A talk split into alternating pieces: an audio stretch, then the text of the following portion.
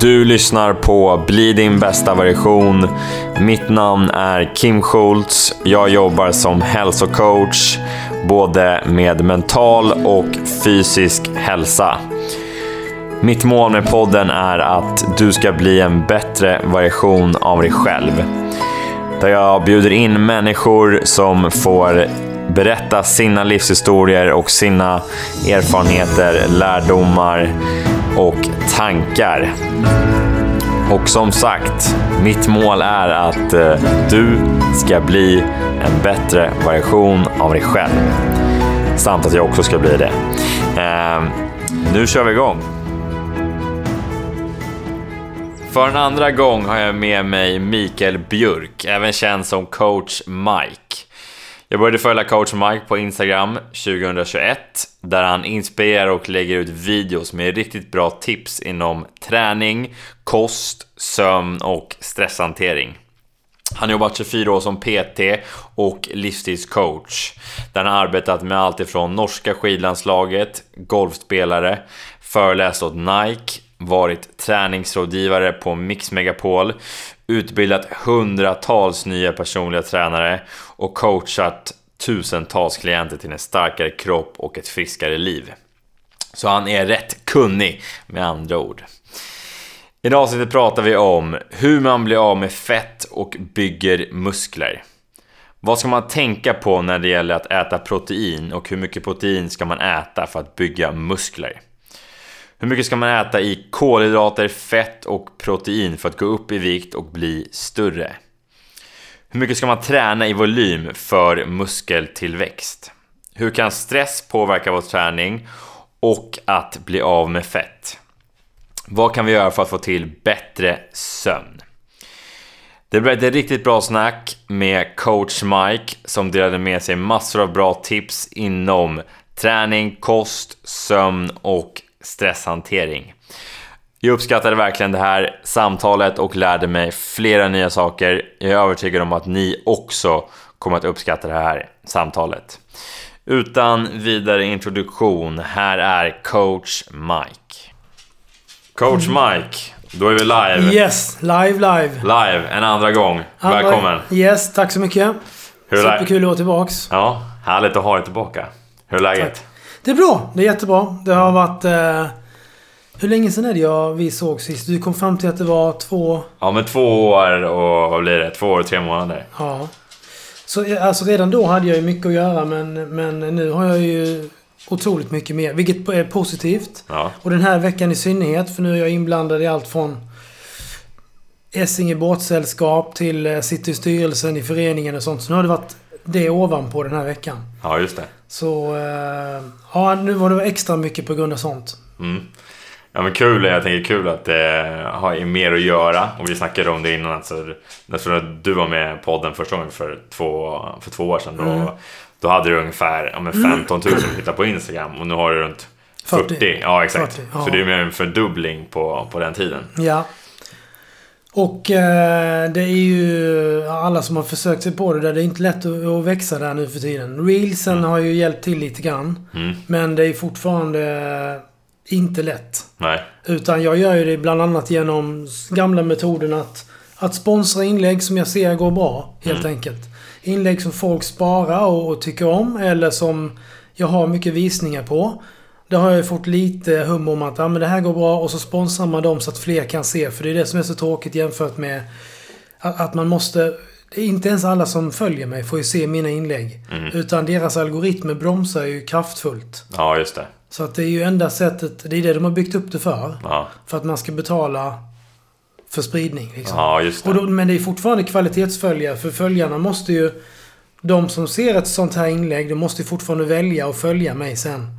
Mm. Med fingret för att de tycker att det finns någonting där de vill ha. Ja just det. Så det blir ju ändå bra, bra följare liksom. Mm, just det. Det är ändå Utifrån- de som är engagerade. Och... Intresserade, engagerade och så. Ja, precis. Just det. Jag tror det var så det också började växa ditt eh, följare. För jag får mig att jag såg en sån sponsrad video när du körde någon, du körde någon riktigt så här, jag kommer ihåg, för jag hade precis typ sett en övning någon annanstans. Jag tror Mm. det var en eh, push and pull övning i en kabelmaskin. Ja, Och jag tror att den såg jag att du sponsrade och det var så här, wow, den här, ki- den här killen. Och det var så jag egentligen började komma in Ja. på det. Och det var någonstans typ där, ja, två år sedan ungefär. ja, ja. Nej, men det är, det är samma fortfarande. Det är bara att det möjligtvis är tuffare nu än innan att, växa. Ja, skulle jag säga. Ja. Så man eh, behöver ha fler plattformar egentligen. Vad har hänt mer då sen sist? Är det någonting annat som har hänt eh, utöver det då? Ja, men jag har ju... Eh, alltså jag började ju med, med Instaresan började ju för i juni nu så är det fyra år sedan. Då hade jag 1148 följare. Och då var det liksom, det gick sakta men väldigt sakta gick det. Och det var till och med folk som frågade Hur kommer det sig att du har så pass bra innehåll men inga följare? Och, eh, men det, det lossnade ju sen. Ja. Så eh, jag har väl haft som mål där att växa... Nej, men dels marknadsföra mig själv och mitt varumärke. Mm. Men eh, bygga online-delen så att säga. Just det. Så det har jag ju börjat göra ganska sent nu, hyfsat nyligen. I, i december Mm. så släppte jag ju, började jag släppa online-träningsprogram. Färdiga pdf-format som man kan både skriva och räkna i och allt sånt där. Och sen nu 5 juni så ger jag mig ut även som online-coach. Just det. Ja, jag har gjort det i liksom små, litet format förut men nu blir Mm. det större. Ja. Just det, men du har kört... eh, För du körde... Det är fredag, det är fredag idag kan vi Ja, min- om. min- ja. Då brukar du köra online coachning. Ja. Ja. Och nu blir det ju att jag, jag kommer ju behöva göra det lite mer. Mm. Jag har ju liksom mina måndag till torsdag fasta tider och fasta kunder på jobbet på Östermalm. Ja, just det. Som, som eh, där jag är. Men sen utö- alltid utöver det varenda morgon. Vissa kvällar, alla helger så får jag ju sitta och jobba med allt det här andra. Och det är det jag har gjort i fyra år. Mm. Så eh, nu, nu den här typen av coaching nu, det blir mer att jag kan coacha flera. Jag gör ett program, ett temaprogram som, som om det passar dig så kan du hänga på där. Och sen Mm. coachar jag liksom alla som, som en grupp istället. Ja, just det. Tänk flera. Ja, Mm. så att jag, jag gör inte individbaserade program utan jag gör ett program och om det anser, du anser att det passar ditt mål Mm, det. och dig så hoppar du på och kör. Ja, och sen så kan man då få coaching via, via chatten där. Ungefär som alla andra. Ja. Fast jag gör det då i, i mer gruppformat så att säga. Ja. För att hinna med. Jag hinner inte med one-on-one. Ja. Nej, jag förstår att det blir, blir ganska många. Ja, det kommer inte bli effektivt heller, tänkte Nej, jag. nej, nej. Jag hinner inte med det. Nej. Då, då, de får, det får bli på jobbet liksom. Mm. Men det tänker jag också är ett bra format att man så kan stötta varandra, tänker jag. Också Ja. i den gruppen. Alltså där man också kan Ja. hjälpa varandra i en sån grupp. Tänker jag bara spontant att det kan vara. Precis, och det är det. Hela meningen. Crossfit det är deras starkaste sida. De är en enormt stark eh, grupp, grupp, gruppkänsla där. Mm. Så det är ju en fördel eh, med med det här. Plus att det är förmodligen billigare än one-on-one. Mm. Och eh, jag lägger ju till eh, kost, stress och sömn för att jag vet hur viktigt det är för långsiktiga resultat. Så jag har färdiga liksom råd och tips inspelade och nedskrivna för det. Ja, just det. Mm. Ja, men det är jättebra. Så tänka helhetsmässigt då för att få ett, eh, för att få resultat. Vilket så här, det vet ju du hur länge du Ja. har varit i branschen och det är det du snackar om väldigt, väldigt mycket. Så Ja. Allt kommer påverka för att du ska få resultat. Ja. Och ve- vem som ska prioritera vad, det beror ju på vilken länk som är svagast. Mm. Så det får man ju lista ut själv. Och har- man frågor kring det just när det gäller online-coachingen så får man skriva i chatten. Mm. Och då, då ställer jag frågor tillbaka och till sist har vi listat ut vad som är viktigast för dig.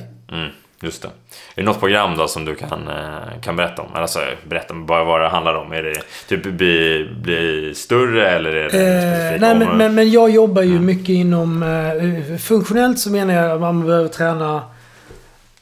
Rörelseläran ligger ju i nervsystemet. Sen kan vi alltid träna musklerna i en maskin och få dem hur stora... Eller stora genom det. Mm. Men ska vi ha användning av dem sen så behöver vi träna in själva rörelsen i nervsystemet. Mm. Så jag jobbar ju med båda. Mm. Jag var lite mot maskiner ganska många år. 15 år eller någonting. Mm. Och körde aldrig maskiner men jag har mjuknat lite där. Mm, samma här faktiskt. Mm. Så, eh, för att jag själv, själv sista året kört mycket, mycket mer maskiner. För det är, eh, det är lättare att ta ut sig där. Det är säkrare att ta ut sig där. Mm. För man behöver inte tänka på stabilisering av olika leder och sånt alls lika mycket. Utan kan fokusera på eh, att ta i helt enkelt. Just det. Ja men trötta ut muskeln rejält. Utan man kan sluta Precis. tänka på formen lika mycket. Ja. Ja, just det. Nej, så det, det, de här programmen, eller det jag släpper nu, det blir... ehm, jag har inte gjort klart det hela första delen än. Men fokuset blir att det ska vara övningar som passar så många som möjligt. Mm. Så att jag kan hjälpa så många som möjligt. Och eh, styrka först i första fasen och sen eh, muskelbyggning. Men det här är ju rullerande. Mm. Så att det spelar egentligen ingen roll var man hoppar in sen. Ja. För det, någonting av det kommer ändå ut med vägen liksom om man är med länge nog. Mm. Just det. Mm. Ja, men okej, så att du når den större massan någonstans. Ja, ändå. ja, Och precis. såklart som du säger, att här, lära sig in rörelserna först Ja. och sen där bygga en grund och sen Ja, utifrån det så bygga vidare. ja. Eh, Ja, men intressant. Jag tänker att vi ska snacka lite om, eh, jag tänker det är sommar. Det är säkert Mm. många som vill bli av, komma i sommarform, tänker Ja. jag.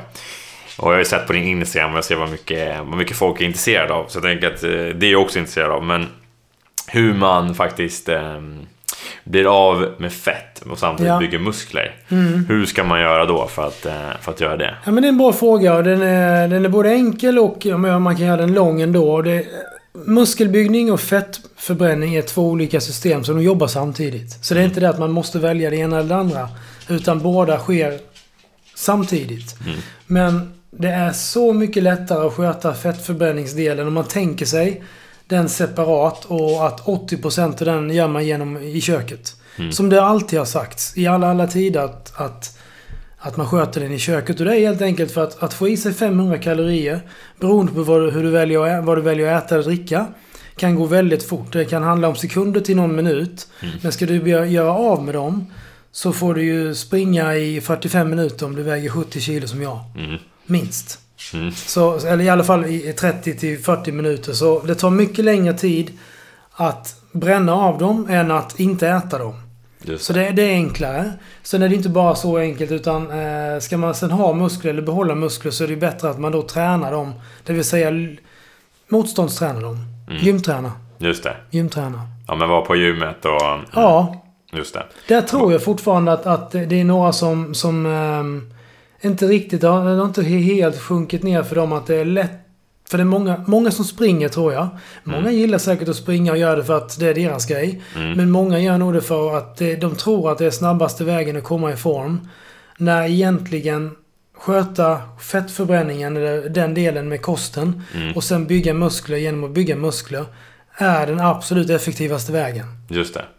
Ja men det är inte att gå ut och alltså, springa då kanske typ så här. Nu tänker många som så här, nu ska jag ja, få till sexpacket eller förbränna Mm. fettet. Så här, men då är det ut och köra en, eh, en runda cardio som vi ska köra. Ja, alltså det är jätteviktigt för hälsan Mm. och allt det där. Men om man pratar bara om, om ren fitness, alltså komma Mm. minska fettdelen och öka muskelmassan. Mm. Då gör man det lättast genom att tänka det som två olika saker. Ja. Varav den ena gör man hemma Mm. och den andra gör man eh, genom träningen. Just Det korrekt träning. Ja. Så, så löpning och sånt är ju mest mera lungor och mera hjärta än vad det egentligen är ren muskelbyggning. Och ju Mm. längre du springer och ju lägre intensitet du då får i muskeln för att du springer långt och långsamt. Mm.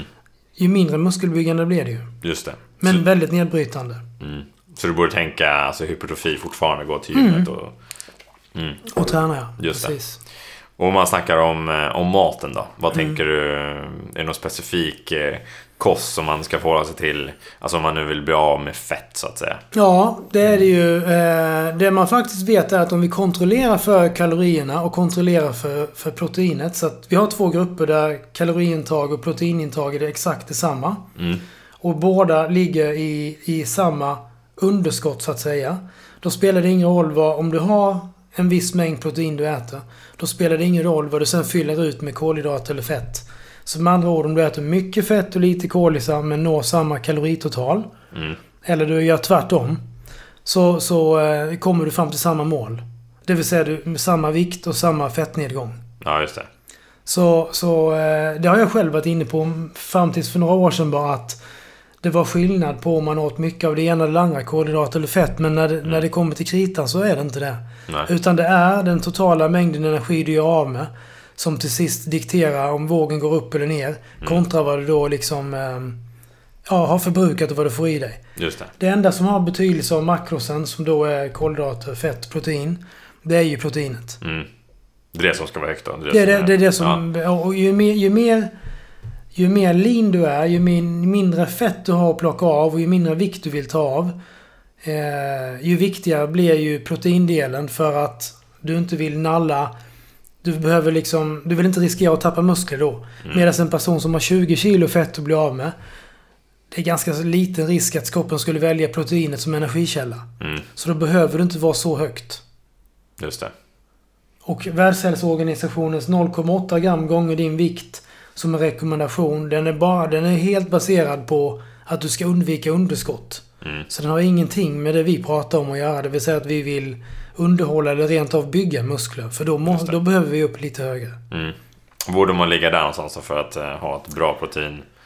Nej men ska man generalisera så skulle jag säga mellan 1,6 och 2,4 gram protein per kilo kroppsvikt. Mm. Och eh, då, då handlar det om två saker. Det handlar om kvalitet. Det vill säga högst kvalitet har ju animaliskt eftersom det innehåller alla aminosyror vi heller inte kan tillverka själva. Mm. Så där har vi en bra källa. Eh, 100 gram köttfisk fågel. Då är det ungefär 20 till 25 gram av det. Alltså 20-25 procent. Mm. Som är rent protein. Resten är eh, vatten och fett. Just det. Så då behöver man liksom bara räkna om det. Så egentligen är proteinet det enda man behöver räkna på Mm. om dagarna. Det är det man ska tracka. Det är det som är det Ja. viktiga för att det... Precis, och efter kvaliteten så kommer då eh, det näst viktigaste som är den totala mängden över en dag. Mm. Så att du får i dig hela mängden över en dag är viktigare än hur du fördelar den. Just det. Om man säger så. Mm. Och sen... ehm, vad tänkte jag mer på om eh, proteinet? Nej men sen är det ju, sen är det ju trots allt...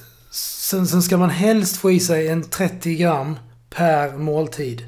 30 gram protein. Ja, Mm. per måltid. Ända upp till 60. För det, det Mm. finns bra studier som visar att ända upp till 60 gram Mm. protein per måltid eh, ger en större...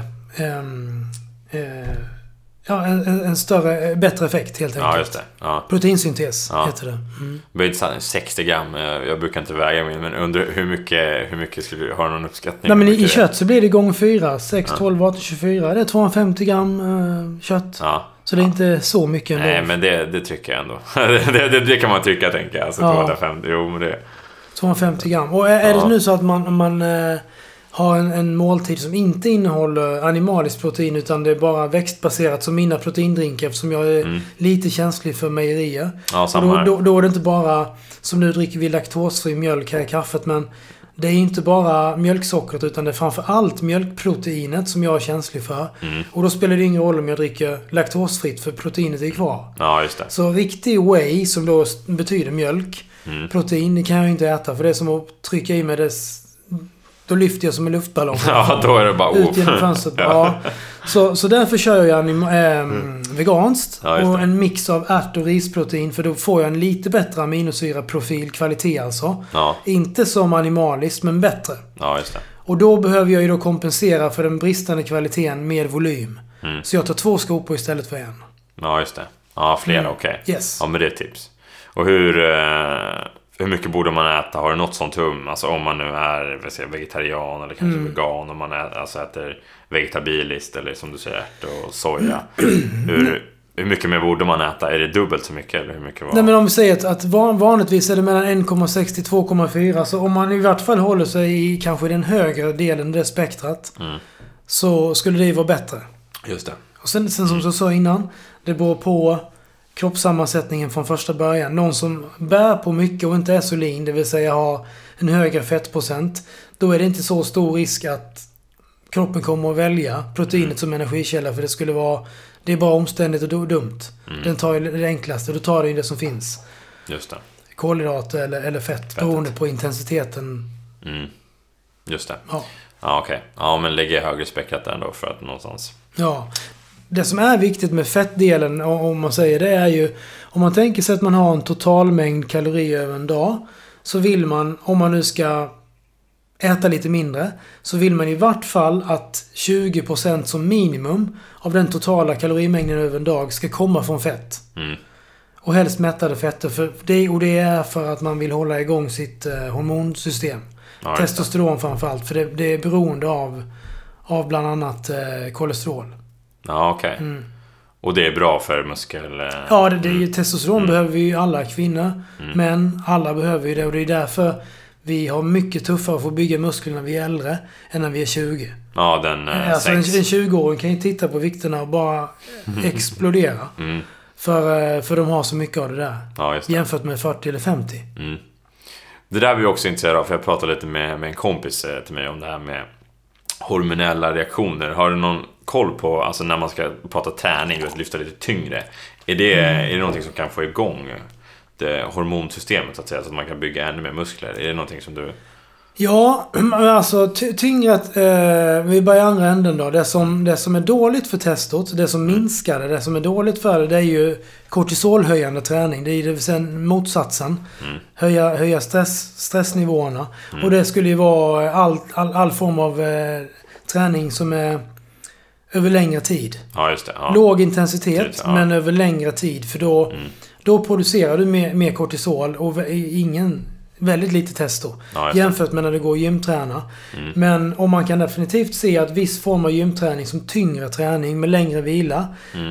Eh, eller eller eh, träning fram till... ehm, ja, men när man behöver ta i lite mer men ändå vila längre. Mm. Det kan ge mera testo, men det är fortfarande inte så mycket testo att det blir någon skillnad i liksom eh, hur det kommer att se ut. Nej, okej. Nej. Det, det räcker inte till för det. Nej. Det ger skillnad om du mäter det. Men det man också har sett är att det är inte mycket nog Nej. för att du ska bygga muskler på grund av det. Det. Utan då är det mycket bättre att satsa på sömnen, för det är där det sker. Ja, okej. Så, Ja. så sömn är där man borde återhämtning? Sömn och stress, det är Mm. det du behöver ta hand om om du har... För, för, för, ehm, testosteronets främsta uppgift är att få saker att kännas roligt när vi gör dem. Mm. Så ett jättebra, en bra studie på det där var ju när de tog eh, fallskärmshoppare och jämförde de som inte blev utkastade, men de som liksom bara var med i testet för testets skull Mm. och inte egentligen ville hoppa. Nej. Och de som faktiskt älskar att hoppa. De ena producerade ju samma hopp. Bara kortisol, jättemycket, medan de andra producerade testosteron. Så det är jättekopplat till vår, vår ehm, Upplevda känsla? ja, upplevda känsla själva. Ja. Och eh, testo behöver vi för att inte bli depressiva, ehm, bygga muskler och må bra överhuvudtaget. Mm.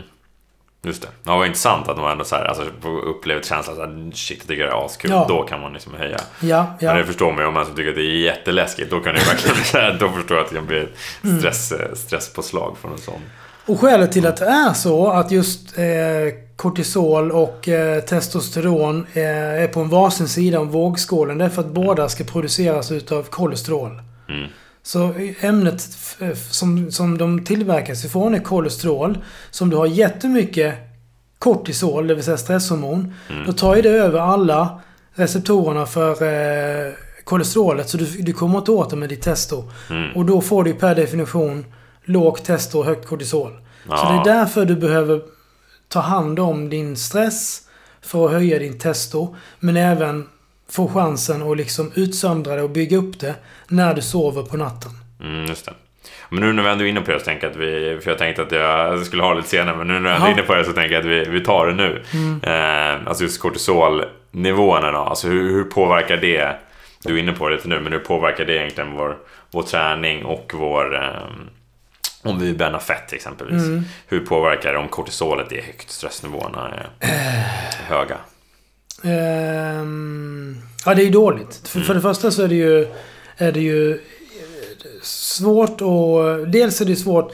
Testosteron är uppbyggande hormon, kortisol är nedbrytande hormon. Så bara av att veta det och förstå det så blir det ju svårt att bygga muskler om du inte har det uppbyggande hormonet. Du blir i en, mer en nedbrytande fas. Så om du inte kan bygga muskler så kommer ju... Då får du också svårt för att bränna fett sen om du inte kan lägga på dig mer muskelmassa. Eller ens behålla den du har. Mm. Så eh, bara, bara utifrån det så är det ju viktigt att försöka hålla, ha koll på det där. Och det är ju en situation som kan stressa mig. Mm. Kanske du blir jättelugn av. Mm. Och vice versa. Så allting som har med stress att göra är ju helt och hållet en intern upplevelse. Mm. Just det. Mm. Är det, också, är det också någonting som man kan, alltså stress, eh, gå ner i vikt? Tänker jag. Är det också någonting som är... Hur menar du nu? Alltså om man är stressad och att man även så här, att man kan gå ner. Det finns ju de som kanske stressäter, Mm. så man äter mer. Alltså värden är höga, man är stressad, man går upp i vikt. Men finns det också att de kan, man kan gå ner i vikt? Är det någonting som du...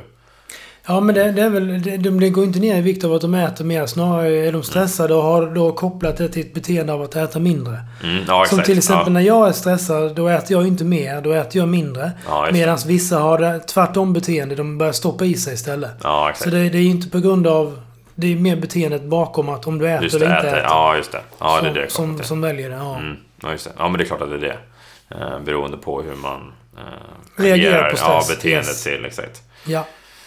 Vad, vad har du då för säger, konkreta tips för att här, hantera stressen? Hur brukar du jobba med dina klienter när du, när du jobbar med det? Nej men... Eh, ja men stress är ju ett, ett eh, intressant ämne. Men det, det, dels handlar det ju om vilken typ av stress. Om man delar in det i två delar. Vilket är lång, långvarig stress. Just det. Vilket är den här nedbrytande stressen. Den som Dåliga. är som en våg över en klippa som bryter ner den sakta men säkert. Eller kortvarig stress som när man hoppar i isbadet. Mm. Som är väldigt eh, positiv. Mm. För att man lär sig stresshantering när man väl sitter där. Man eh, får liksom en eh, dopaminkick efter och det är inte det att det höjs utan grundnivån av dopamin sjunker. Så att när du väl kommer upp därifrån så känns det som att du är högre än vad du egentligen är. Och får en, en långvarig dopaminkick. Massa bra grejer, höjer immunförsvaret. Men det är kortvarig stress. Mm. Väldigt kortvarig stress. Den här långvariga stressen som oftast är den man, man eh, refererar till. Det är ju den som är nedbrytande. För då har du, när vi stressar kortvarigt. Eller när vi, när vi stressar överhuvudtaget. En stresssituation. Då utsöndrar vi... ehm, ja, nu står det helt still här. Men först kommer i varje fall i, i hjärnan eh, adrenalin. Mm. Adrenalin första 10-20 sekunderna och sen kommer kortisolet därefter. Adrenalinet har som uppgift att du ska fokusera utåt, inte inåt. Det är därför när jag sitter i vattnet och ska försöka göra ett inlägg så är det så svårt om det verkligen är kallt att komma på vad jag ska säga även om jag kan ämnet utan till. Just för att hela systemet säger fokusera utåt. Ja, just det. Så, och, eh, så då är det fokus utåt. Man, eh, sexlusten sjunker för att man har inte, det är inte så viktigt precis i en sån situation. Nej. Ehm, immunförsvaret höjs. Mm. För att man ska liksom överleva om det nu verkligen är fight på gång. Livshotande. Ja, Ja. precis. Och eh, matsmältningen sjunker. Mm. Eh, eller, eh, för, för, det, det är inte heller så viktigt. Alla de här livsviktiga grejerna höjs. Och det som är långtidsgrejer, det, det sjunker. Ja, det. Men sen har vi då efter 20 sekunder så börjar vi utsöndra kortisol. Med syftet att det frisätter i sin tur ehm, eh, glykogen. Alltså eh, bensin ut till musklerna från blodet. Just så att det. vi snabbt kan springa iväg eller fighta som det är det vi ska göra. Mm. Men det är ju kortvar- kortsiktigt. Men det som sen sitter kvar om vi fortsätter att stressa. Det är ju kortisolutsöndring. Den ligger där och är lite halvöppen. Mm. Och då gör, det gör ju att vi utsöndrar en massa kortisol och därmed ehm, eh, frisätter vi energi ut i blodet som inte kommer till nytta. För att vi rör oss inte hela tiden. Nej. Och där, där kommer sen fettinlagringen där. För nu cirkulerar det runt och då hamnar det oftast kring midjan. Så det är det som är den klassiska syndrom X. Eh, liksom figuren. Ja, just det. Bredare på mitten och så går som en kon ungefär. Mm. Ja, just det. Ja. Smala armar och ben också klassiskt. Ja, det läggs på. Ja, men vad var frågan egentligen? Nu spårade jag iväg här, men vad var grundfrågan? Nej, men äh, äh, verktyg egentligen för att hantera själva stressen. Alltså Just det. hur- Så om, om man då tänker att, att den kortvariga stressen, den embracear vi, den vill vi ha. Men det är ju den andra. Och då är det ju oftast subjektivt vad jag blir stressad av. Och då kanske jag behöver jobba med, med mitt mindset, hur jag väljer att se på saker. Mm. Det är så jag själv gör. Jag försöker att se alla glas som halvfulla. Mm. Inga glas. Jag börjar, som jag pratade med min kund häromdagen. Jag har som mål att börja min dag på en tia och sen får jag jobba ner den om den inte är, är stannar kvar där. Istället för att jag ska behöva jobba upp den. Ja, Förstår du? Jag Ja, börjar på topp. Mm. Precis. Och sen så får jag då anstränga mig för att jag ska sänka den nivån snarare än att jag ska jobba upp den. Så Mm. allt handlar om ett mindset egentligen. En förhålla, ett sätt att förhålla sig till, till livet och saker. Mm.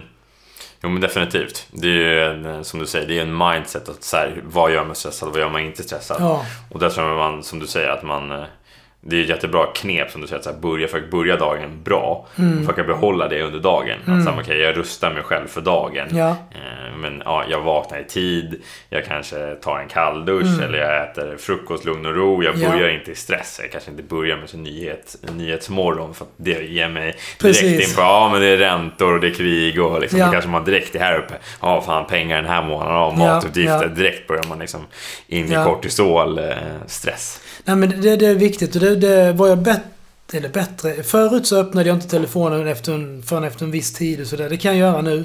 För det påverkar inte mig lika mycket längre. Så att det är väl mer en fråga om, om man vet att någonting riskerar att påverka en på ett visst sätt så kanske man ska skjuta det tills man känner sig lite starkare. Man ska i alla fall inte börja dagen direkt där. Mm. Utan precis som du sa, börja den så stabilt och bra som möjligt. Mm. Men, eh, ja. Men konkreta tips för lång... Nej, men inställning är definitivt en, en del. Mm. Eh, kortsiktigt så gjorde jag ett inlägg om det här för inte så länge sedan på min Insta. Men då är det ju att... Eh, man vet till exempel att blicka ut över horisonten, alltså fästa blicken långt bort någonstans, Mm. är lugnande för, eh, för den delen av systemet Just det. eh, nervsystemet. Så Mm. att, att titta bort på horisonten är jättebra. eh, Snarare än att bara sitta kvar och kolla in i datorn eller någonting. Om man känner, och de, nu pratar jag om typ ångestkänslan när stressen Ja, är så det. Hög. panik. Ja. Ja. Mm. Eller, vi har ju tre system man kan tänka sig att vi har Freeze, som är att vi bara när vi är superstressade så blir vi helt låsta och kommer inte ur fläcken. Nej. Eller Flight, att vi bara flyr. Men vi Mm. har också någonting annat, ett tredje, som är att man lutar sig in i det. Mm. Så att istället för att jag backar eller står helt blickstilla så lutar jag mig in i utmaningen. Och det vet man också. Det har jag lärt mig av eh, gode Huberman som vi pratade om innan. Mm, det. Att eh, det skapar en massa andra saker som att man, man blir mera benägen att klara andra utmaningar också. Och man märker att shit, jag, jag klarar mig när jag lutar mig in i den här känslan som är jobbig. Mm, just det. Ja, men det bygger upp en karaktär och man känner Yes. bara shit, det här klarar jag av. Och då Ja. blir man så här, ja men det här kan jag ju klara. Då kanske jag kan fortsätta med det eller klara nästa Precis. utmaning eller hinder också någonstans. Ja. Man blir starkare av det. Ja, för det all- allt det här sker ju... Folk kan ju ha en ångestattack utan att du nästan ser det. Du ser knappt inte det utanpå. Mm. Lite grann kanske, men det sker ju mestadels inuti In, bara. ja, exakt. Ja. Mm. Och sen är det ju... eh, Annars är det ju rörelse för att um, upp, upp och röra sig. Det är ju den här eh, flight-delen. Att Mm. sitta helt stilla. Som man kanske behöver göra om man är på ett flygplan eller något. Men Mm. kan man släppa bältet upp och gå och röra sig någonting så kommer det 100% att lätta. Mm. Och även titta ut genom fönstret så man definitivt kan se horisonten där uppe. Mm. Att lätta. Just det. Så där är tre bra liksom, konkreta... Ja. Mm. Och diafragmatisk andning. Andas, yoga andas ner i magen. Mm. Det är också bra för den delen på nervsystemet. Mm. Ja men det där är andningen tycker jag är, alla de där är jättebra men andning är någonting som jag eh, konkret använder mig av. Alltså Mm. specifikt eh, när jag var, men jag hade lite så här med panik, ångestkänslor och så. Och då Ja. använde jag verkligen så här andnings, andningsövningar. Ja. Använd, alltså andas i en fyrkant. Ja. Fyra sekunder, Ja, fyra sekunder in, exakt. Mm. Fyra sekunder hålla, fyra sekunder Mm. ut och så tänka liksom att jag går runt där. Mm. Den tycker jag är väldigt bra. Och den funkar bra för mig. Men nu, nu tycker jag bara att så här, ta några djupa andetag när jag kanske känner mig Mm. stressad. Bara ta tre, fyra djupa andetag. Det tycker Ja. jag faktiskt gör en skillnad. Och det märker jag också när jag tränar. Att jag faktiskt eh, får ner mig själv. Ja, alltså, ja, mellan övningar och så, så känner jag att det är, det är ett bra verktyg att ha. Ju, ju lägre puls man kan hålla och ju svalare kroppstemperatur man kan hålla i träningen ju, ju längre liksom, ju bättre arbetskapacitet får man ju. Mm. Ehm, så att det, det, det, är därför det funkar. Jättebra. Mm. Och när vi ändå var inne på stress så tänkte jag på det här. Till exempel nu, nu under hela coronatiden där. Varför det var extra, extra jobbigt och i synnerhet för de som inte har kanske per automatik ett growth mindset som lutar sig in i utmaningar. Mm. Utan att de hellre då eh, fastnar. Mm. Är ju just för att där, där visste vi inte vad är det? Vi visste inte vad det var till en början. Eller hur farligt det Nej. var. Och vi visste heller inte hur länge det skulle hålla på. Nej. Så att det var det här med att gärna få en öppen loop som liksom inte... Man vet inte när det tar slut. Det är ju det som vi är absolut svårast att hantera. Mm. Om du skulle ställa dig och göra knäböj på 50 kilo säger vi. Mm. Och du bara börjar köra och sen när du börjar tycka det är jobbigt så säger jag inte hur många det är kvar. Jag Nej. står bara och säger fortsätt. Det blir så mycket svårare för dig att fortsätta Mm. om, om jag inte säger nu har du 10 till. Även om det känns jättejobbigt så har du någonting att förhålla dig till. Och vetskapen. Ja, vi vet, du vet bara att okej, jag kanske klarar fem, men, men det är i vart fall inte mer än tio. Än att jag står där och inte säger någonting alls. Sen kanske det bara är två. Så att, att veta... Eh, och, och då, då eh, vet jag vad jag skulle komma med, med det där, men... Men, men liksom att, att veta hur lång tid någonting tar är viktigt för, att, för just stresshanteringens del. Och det jag jobb- jobbade mycket med själv förut för att minska egen stress. Jag kommer inte ihåg vilken, när det var eller vad det handlade om då. Men det var ju att den klassiska, jag kommer inte ihåg vem jag lärde mig den utav, men om det inte... Om, det är, om jag oroar mig över någonting, Mm. bekymrar mig över något. Och så vet jag, så ställer jag mig frågan, kommer jag... Kommer det här att påverka mitt liv om, om fem år? Oftast inte ens tio, utan fem år. Mm. Svaret är 99% av fallen nej. Nej, exakt. Kommer det att påverka mig om ett år? Nej. Kommer jag komma ihåg det nästa månad? Antagligen inte. Kommer jag komma ihåg det om en vecka eller imorgon? Kanske inte ens det. Ja, då är det definitivt ingenting jag behöver hålla på och bekymra mig över. Så att när vi är inne i ett orostänk så är hjärnan oftast inte nu, utan den är längre fram. Just det. Den är, tänker, bygger Den är, fram. den är långt. Mm. fram i tiden och jobbar. Långt, långt fram i tiden. Så att många gånger så är det liksom att man bygger upp någonting som aldrig sker. Mm. Och om man bara vågar testa att utmana sig själv på att inte oroa sig för att... Eh, och då menar jag inte att man ska sopa riktiga problem under mattan. Men bara inte bekymra mig över någonting jag inte kan göra någonting åt exakt nu. Mm. Så får man kraft nog att göra det när man behöver det. Mm. Men jag tänker man får, som du säger, man får perspektiv på det. Alltså, men hur viktigt eller hur allvarligt är det här Ja. egentligen? Ja. Och som du säger, så här, vad kan faktiskt påverka Mm. situationen? Finns det någonting jag kan göra nu för att det ska bli bättre? Ja. eller nej? Okej, säger det nej, ja men då, kan jag, då, då får jag ju bara låta det vara. Ja. Försöka landa, att acceptera Mm. det. Är det ja, ja, men då får jag ju försöka, okej, vad kan jag faktiskt göra för att det ska bli bättre? Bättre ja. Ja. Och, och där brukar jag också tipsa mina kunder om att eh, skriva, och det gör jag själv också när det är riktigt, när jag riktigt eh, ja, men känner mig stressad över något. Skriva ner. Mm, Jag har ett motstånd att göra det där och det har de flesta har jag märkt. Men ta fram penna och papper och så börjar jag skriva ner. Så, så fort jag plockar ut det från mitt eget huvud fysiskt ut på ett papper. Mm. Bara därefter känns det lättare. Och det gör också att jag får lättare för att somna. Och jag sover bättre på natten för jag behöver inte undermedvetet eh, bearbeta lika mycket. Mm. Eftersom 85% är liksom undermedvetet av det vi gör. Mm. Jo men exakt, det är ju väldigt mycket undermedvetet som vi... Många tankar, alltså, jag har läst om det där upp från som 65 000 Ja. eh, tankar som var per dag och som, det, de mesta av dem är omedvetna Ja, tankar. Så det är som du säger, att få ner och skriva ner det. Så att det är bättre att kunna försöka få sig ur det och släppa det. Precis, för det, blir, det, det är som att man verkligen fysiskt plockar ut dem när man börjar skriva ner dem. Det är något terapeutiskt med att skriva ner Ja. saker. Det, det, är, ja, det är någonting för själen, det är bra för själen Mm. att liksom bara få ner det och få ur det. Men jag håller med, det är ett motstånd att göra det. Det, det håller jag med om. Men det är, Mm. och det är nog- konstigt att det är det när man vet att det funkar. Ja, det kanske är för att det är, så här, det är kanske tröskeln för att man vet att det kommer kanske vara lite jobbigt. Ja. Det kan vara någonting utmanande i det. Eller det kan vara någonting jobbigt som kommer fram. Ja, när man står det. och sitter där och skriver. Ja. Men oftast är det ju bara grejen att få ur det, tycker Mm. jag. Ja, Och snarare när man har gjort det. Och sen behöver man inte ens kanske läsa det, utan bara, det bara få, få ur det systemet. Ja, Kan ja. man, tycker jag i alla fall, min reflektion. det. Men eh, träning kan man ju också, tycker jag, är, alltså om man tittar på mig själv så har ju träning verkligen varit ett verktyg för att hantera stress. För att så här, jag känner, desto mer jag har lagt in träning i mitt liv, desto bättre hanterar jag ju faktiskt eh, stress också som kommer Ja. utifrån. Hur jag hanterar stress. För att säga, ja, men, både kroppen och hjärnan, alltså det mentala psyket, hanterar ju faktiskt mycket bättre. Känner jag. Att jag känner att mina nivåer är mycket, mycket bättre. Från när jag faktiskt tränar regelbundet. Mm. Det är någonting som, eh, jag menar, det är också någonting som jag antar att du också jobbar med. Att få in träning regelbundet såklart med dina klienter. Ja, ja, ja, det, är absolut. ett, det blir ett verktyg för att faktiskt använda sig av också. Träningen är ju medicinen för nästan till allt. Mm. Egentligen så, så är det ju det- effektivaste mot nästan all- allt som finns rörelse. Mm. Alltså träning. Så.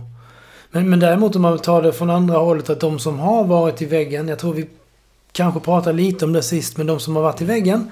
Eller nära väggen och är så pass stressade. Mm. De däremot när de ska börja träna. För det får jag också mycket frågor om. Det har jag haft ett, ett helt gäng sådana där under åren och eh, där får man ju vara försiktig med hur man, även om du, du, om du skulle ha varit i väggen eller stå väldigt nära väggen och vi kommer fram till det i konsultationen. Ja. Men ditt mål är ändå att gå ner i vikt. Det är ändå viktigt för dig och du har några kilo att gå ner. Så det är viktigt för dig.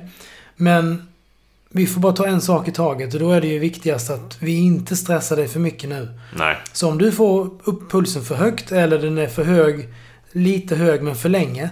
Så kommer man ju snabbt att kunna se på de här personerna hur äh, ångesten börjar komma i ögonen och vi, man ser fingrarna börja röra sig. Det är obehaget bara. Ja, kommer till kroppen. Ja, man, ser det i kroppsspråket mm. och, och eh, då får man ju hellre liksom göra en, kanske träna tungt. Mm. Träna tyngre lyft med mycket längre vila. Och, fortfarande taxa muskler men även nervsystem och, och rörelseapparaten i rent tekniskt. Men inte så mycket kortisolet. Mm. Just det, så du vill inte Ja. ha egentligen då alltså lågintensiv träning? Alltså, Ja. Mm. Ja, det blir, det blir ju egentligen eh, högintensivt för du lyfter tungt så du får ju hög intensitet i muskeln. Mm. Men låg i resten av kroppen. Ja, just det. Men jag menar, du vill inte ha någon som jobbar typ en timme, att Nej. du bara står och joggar liksom. Du vill ha mer- att man lyfter Ja, ja. tyngre så att du får... Ja. Det. Mm. Och det där tror jag att många skulle tänka, men jag, när jag är stressad så mår jag bra av att ute och jogga. Ja, det och det, de det är ju vissa, vissa som absolut gör det, men sen finns det ju grad av stress. Och jag menar verkligen de som har legat i ett svart rum en vecka och inte ens kunnat, inte ens kunnat tänt en lampa. Mm. För hjärnan håller på att explodera. Den, de som har varit så nära eller i väggen, de skulle absolut inte klara ut att springa. För de kan knappt inte öppna dörren. Förrän, förrän det blir överbelastning. Så när de börjar träna, då får de börja försiktigare. Och då får man hellre sköta, om det skulle vara du då, viktnedgången, om det var målet. Mm. Genom kosten, som det egentligen ska göras ändå. Och sen då göra träningen på ett smartare sätt. Tills man är redo. Mm. Så bygga, bygga success, alltså successivt, men börja med, med ruta ett. Så att du Ja. inte får dem till ja, ett ångestladdat stadium. Nej, alltså man precis, precis. pulsen. För det är lätt att göra det man har lärt sig på utbildningen. För att man kanske inte har så lång erfarenhet eh, i yrket än. Mm. Och, och bara följa protokollet och nu ska vi göra det här och det här och det här. För det är här man ska göra när någon ska gå Mm. ner i vikt träningsmässigt. Men det passar bara inte in. Nej, Så därför är konsultationen bland de, det är den viktigaste delen när jag träffar folk. mm. Nya kunder. Jo. Och gå igenom. Och då vill jag, ska jag träna dem här på jobbet så vill jag att vi sitter i lugn och ro i ett rum och går igenom allt. Allt. Mm. Ja, men det förstår jag. Mm. Det är såklart viktigt. När du jobbar helhetsmässigt också. Så du gör du får reda på men vem är den här människan och Ja. vad är dens utmaningar. Och vad behöver den? Ja. Alltså för att vi ska nå dens målresultat. Precis. Så, Precis. Definitivt. Jag tänkte på, vi var inne tidigare på hur man eh, blir av med fett och Mm. eh, bygger muskler. Men om man skulle gå tvärtom då? Alltså om vi hoppar in på att man vill gå upp i vikt. Mm. Man vill bygga, bygga muskler. Mm. Hur, eh, hur ska man tänka där? Om man vill bli större? Skillnaden egentligen på upp eller ner i vikt det är påverkas mest av fortfarande energibalansen. Mm. Så om, om eh, du ska gå upp i vikt, som jag nu har försökt göra från förra sommaren. Mm. Så har jag för första gången försökt att gå upp till, ja i mitt fall över 70 kilo som jag inte har vägt mer än kanske ett, par procent av hela mitt liv. Mm. Och det har jag lyckats göra, upp till nästan 71. Men det har ju krävt att jag har ätit mycket, mycket mer eh, än, än, än jag någonsin har gjort. Mm. Konsekvent över, lång, över nästan ett år. Ja, just det. Lagt på mig lite fett men också en hel del muskler. Mm. Och blivit starkare. Ehm, och ska man då gå upp i muskler och upp i vikt, då är det ju beroende på hur länge man har tränat. För är man nybörjare så kan man lyckas med det även på en energibalans. Det vill säga att du äter plus minus noll eller till och med mindre. Mm. Så kan du ändå lyckas, kanske inte mindre men i alla fall plus minus noll. Mm. Om du är nybörjare. Men har du tränat längre, då, då är det andra regler som gäller. Då behöver du ta i mer men du behöver också i det här fallet äta lite mer Mm. för att gå upp. Och inte bara protein utan liksom totalmängden. Ja, just det. Så både fett och Ja. kolhydrater också då? Och nu när du ändå är inne på det.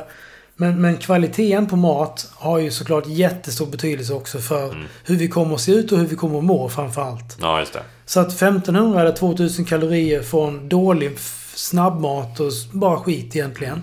Det är såklart inte likställt med samma mängd kalorier från kvalitativ mat. Mm.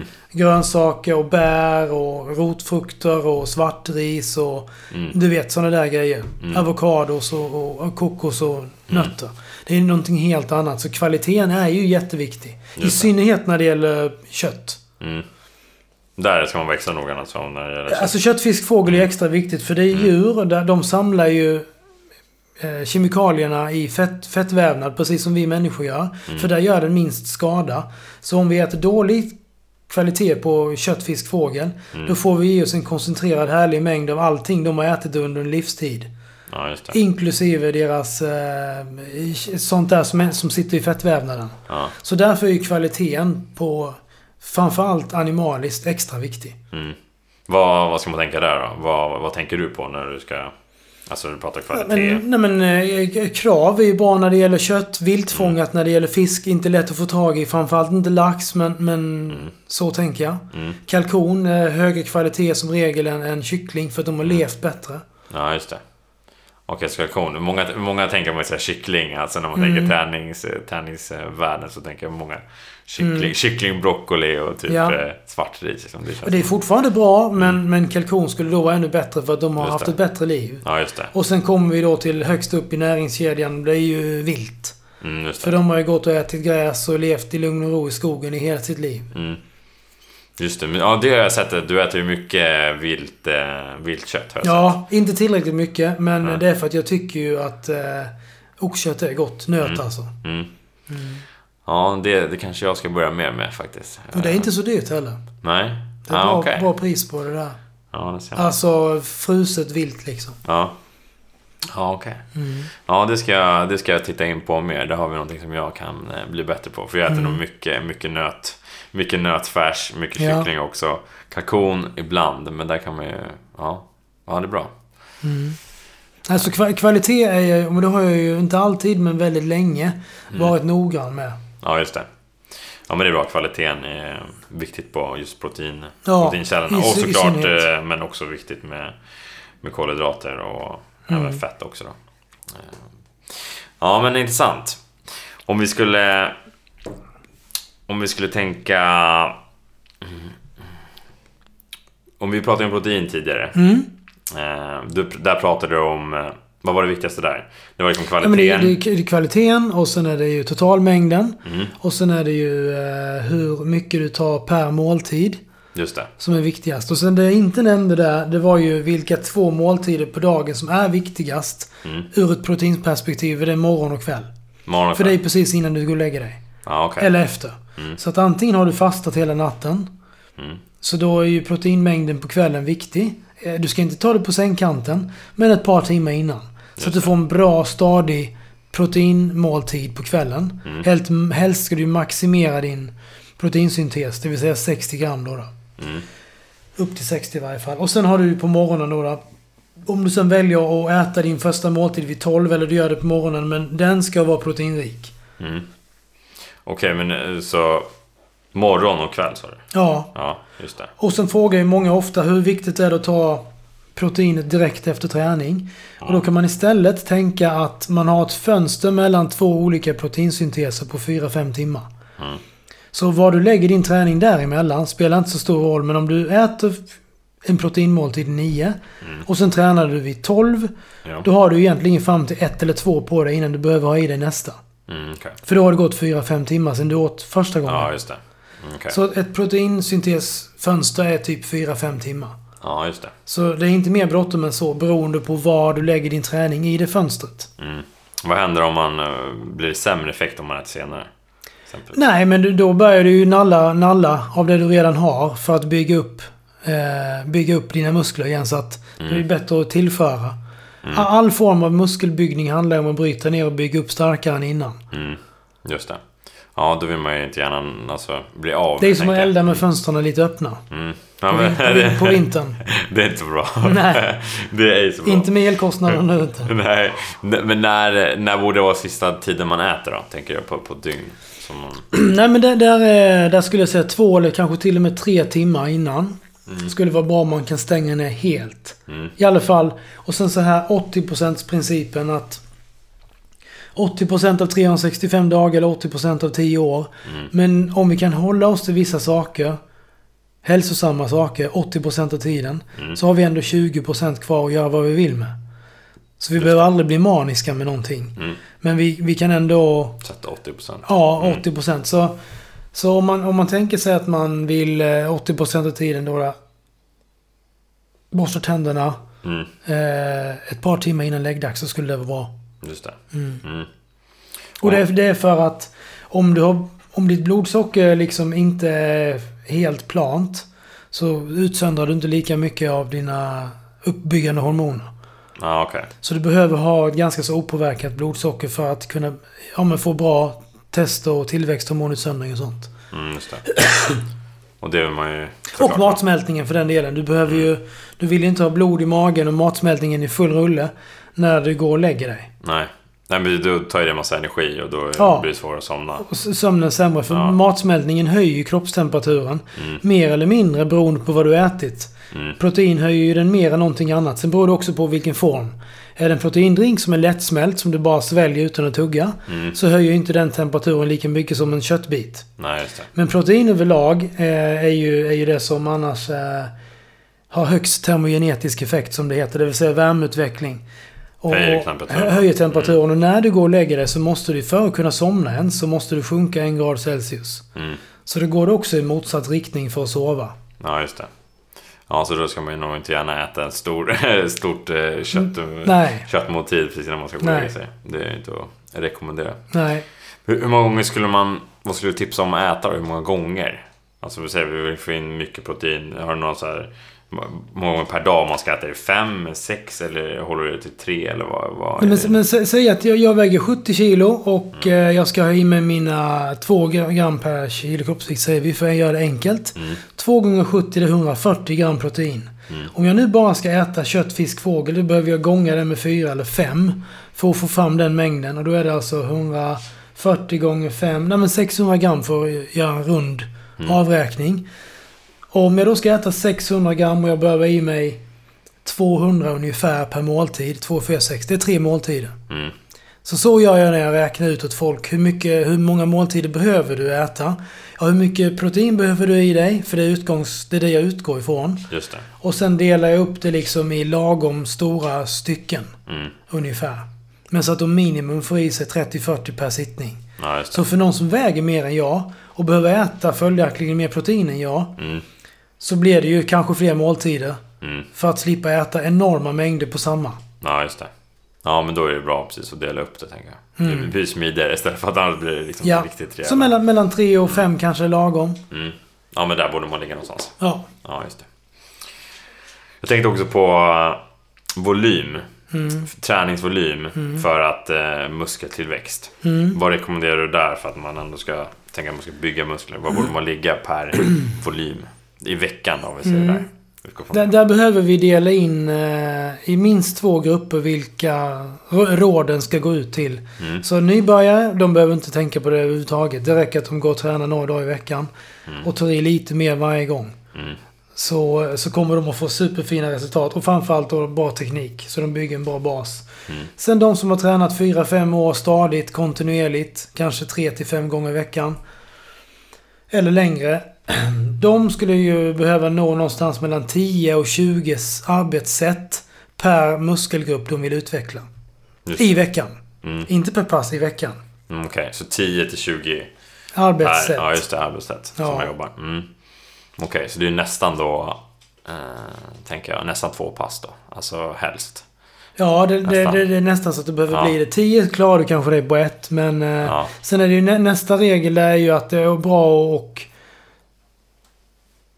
Det här är också relativt till hur mycket du tar i, alltså din intensitet Mm. på träningen. Och då menar jag inte pulsen utan i muskeln. Just det.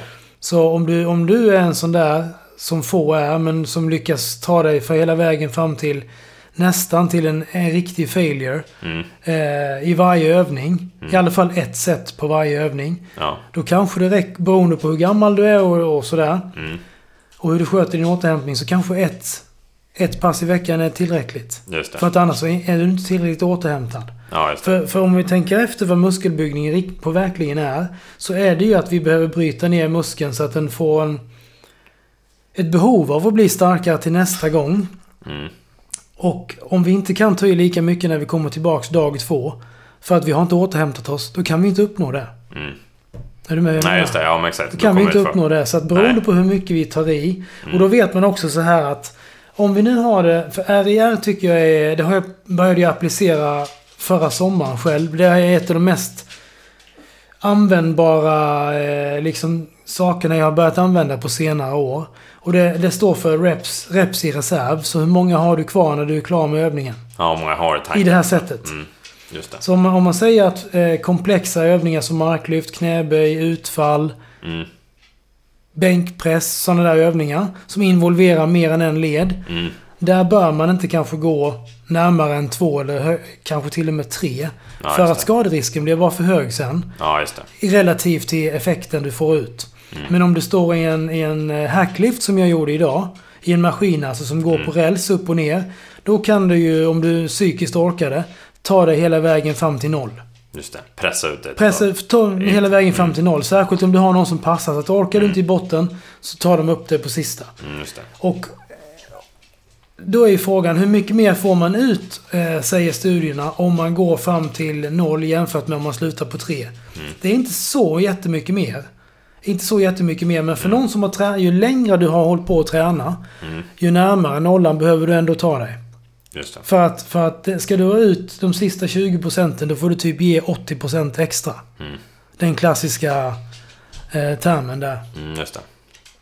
Ja, så det beror lite på vad man är liksom i... I din tränings- träningsutveckling. Ja, just det. I din träningsutveckling och i din eh, potential Mm. av utvecklas. För vi kan inte bli hur stora som helst utan externa, externa medel. Mm. Då hade ju alla försökt att bli det, men det kan vi inte. Mm. Så att ju närmare din, din genetiska potential du är, ju mera behöver du bara egentligen ta i och sköta rätt. När det gäller både kost, sömn, stress, träning. Mm. Mm, just det. Mm. Ja, men där bör man... eh, Och jag om man, om man nu skulle säga så här, men jag vill fokusera på typ biceps och typ mage. Då kanske man ska ha snarare två pass i veckan. Ja, precis.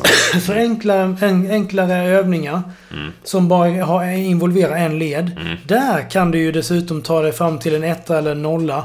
Nästan, det. nästan alla sätten om du psy- mentalt orkar det. Mm. För att det är ganska riskfritt. Just det. Så det där kan man också göra det. Mm. Ehm, med fördel. Men sen har vi en annan sak som jag tycker också är superintressant. Och det är ju, om vi nu inte pratar nybörjare utan vi fortsätter prata de som har tränat några år. Och har kommit en bra bit på sin utveckling. Det är ju hur mycket måste du ta i för att bli bättre? Mm. Och med det menar vi kanske få mera muskler och Mm. bli starkare. Jämfört med om du är nöjd med att vara som du är. Mm. Och det är ganska stor, det är jättestor skillnad har man ju sett. Och det tycker jag är så intressant. För att om du ska bli bättre när du kommit en bra bit, då måste du liksom lägga in alla chipsen, allting. Mm. Medan om du bara ska behålla, så kan du kanske komma undan med så mycket som två, tre dagar i veckan med när du, går, när du har fyra, fem i RIR. Mm. På alla sätten. Ja, just det. Så du är ganska långt ifrån att ta ut dig själv på varje sätt. Och du tränar bara två, tre dagar i veckan. Bara du kör igenom alla muskelgrupperna. Mm. Då kommer du inte att tappa någonting. Mm. Men det är så fort vi ska ha lite mer än vad vi redan har. Som vi får pytsa in otroligt mycket mer. Ja, just det. Ja, för, för att man ska För bli... att bli bättre. Ja, just det. För att det ska synas och för att det ska bli bättre. Ja. Ja, men det där, Så det det, där är känner både jag tacksamt och otacksamt ju att, behålla är ganska lätt. Men vill jag bli lite bättre än förra sommaren. Mm. Då får jag gå nästan all in. Ja, ja, men det där känner jag igen. Jag är där nu att jag vill ju... Jag har lagt på mig och specifikt att jag vill eh, ja, bli starkare. Och där känner jag ju skillnad från att så här, innan har jag kanske varit lite mer behålla. Mm. Och det är ju en helt annan sak att gå och behålla på huvudet. Och sen nu när man ska liksom pressa. Alltså det är Ja. verkligen så här, då är det, jag har nästan ingen kvar i tanken. Alltså då är, det, är, det är ganska stor skillnad på, på att träna och det känner jag också. Så här, Ja. på, på återhämtningen blir ju också, alltså Mm. blir betydligt viktigare känner jag ju när jag, när jag pressar mig så hårt. Mycket viktigare. Och vad var det jag tänkte på där med... Det var någonting som folk brukar fråga om på Insta när det gäller, när det, gäller det där. Men, nej, men man, man, vi kan bara gå igenom alla. Nu pratade vi ju om volym, alltså sätten. Mm. Hur många set. Sen har vi ju repsen, vad som är, bra där. Och om vi håller oss till att det är muskelbyggning, inte styrka utan muskelbyggning främst som är det viktiga. Och vi kan ta skillnaden sen. Men då är det ju då är det ganska stort spann. Mellan kanske 6, 7, 8 reps ända upp till 15 till 20. Som skulle kunna ge i stort sett samma effekt. Just det. Muskelbyggningseffekt. Så det är inte så snävt som 8 till 12 utan det är större. Ja, okej. Men anledningen till att inte 30 reps eller 40 reps eller mer gör lika mycket nytta. Det är för att du har för stor andel som inte gör nytta. Så du får alltså jobba väldigt långt för att komma fram till de där fem sista som faktiskt har en muskelbyggande effekt. Mm. Så du förstår vad jag menar. Du har 30 reps säger vi. Mm. Och då kanske du får jobba de första 20. Har så låg intensitet. Det är så lite motstånd för muskeln. Just Så att de ger ingenting i muskelbyggnings... Ja, det är onödigt att göra dem. Ja, exakt. Muskelbyggningstermer. Men det är de första 5-10 sista Mm. som faktiskt gör någon nytta. Just Och det är, där, det är därför eh, liksom för höga repstal är ineffektivt. För du får jobba alldeles för länge. Om du till exempel göra, göra eh, squats hemma, air squats, Mm. och bygga ben på det för att du har inget gym att gå till. Då får ju de flesta göra väldigt, väldigt många för att få muskelbyggande effekter. Därför de första 30-40 repsen gör ingen nytta alls. Nej, Utifrån ett muskelbyggningsperspektiv. Mm. Ja, men exakt. Så då vill du snarare hitta, Ja. alltså de, som du säger, från ungefär, vad sa du, 10, från 6 till 15. Alltså där ändå är en nivå där du får jobba. Ja. Alltså, redan 60-15 från- till kanske till och med ända upp till 20. Där, där kan du få... Där är det tungt nog för muskeln att den får anstränga sig tillräckligt tidigt. Mm. Och sen det där med många som frågar, men vad är det för skillnad på styrka och hypotrofi? Som då hypotrofi är muskelbyggning. Och styrka, då behöver du ju köra på minst 80% av vad du max klarar av i en given rörelse eller övning. För att få den effekten. Annars är du för lång, annars är det för lätt. Från- ja, helt enkelt. Mm. Så då, blir du, då hamnar du på ett repstal mellan kanske 1 och 6. Mm.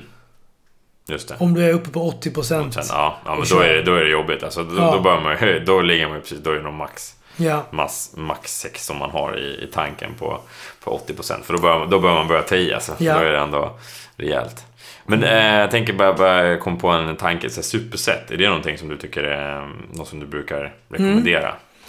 Ja, det, det gör jag gärna. Och framförallt till nybörjare. Så, eh, och de som inte har tränat super, super länge. Jag gör också det själv, men jag har, jag har upp till nästan en minuts vila emellan mina superset. Så det är väl frågan om det är det eller inte. Men, Mm.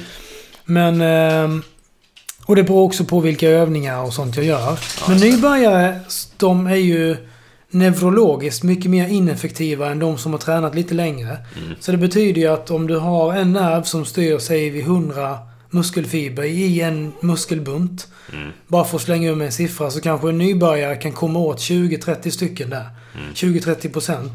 Och sen kan de inte komma åt fler. Än så att de tar i allt vad de kan. Så därför blir de ju inte trötta.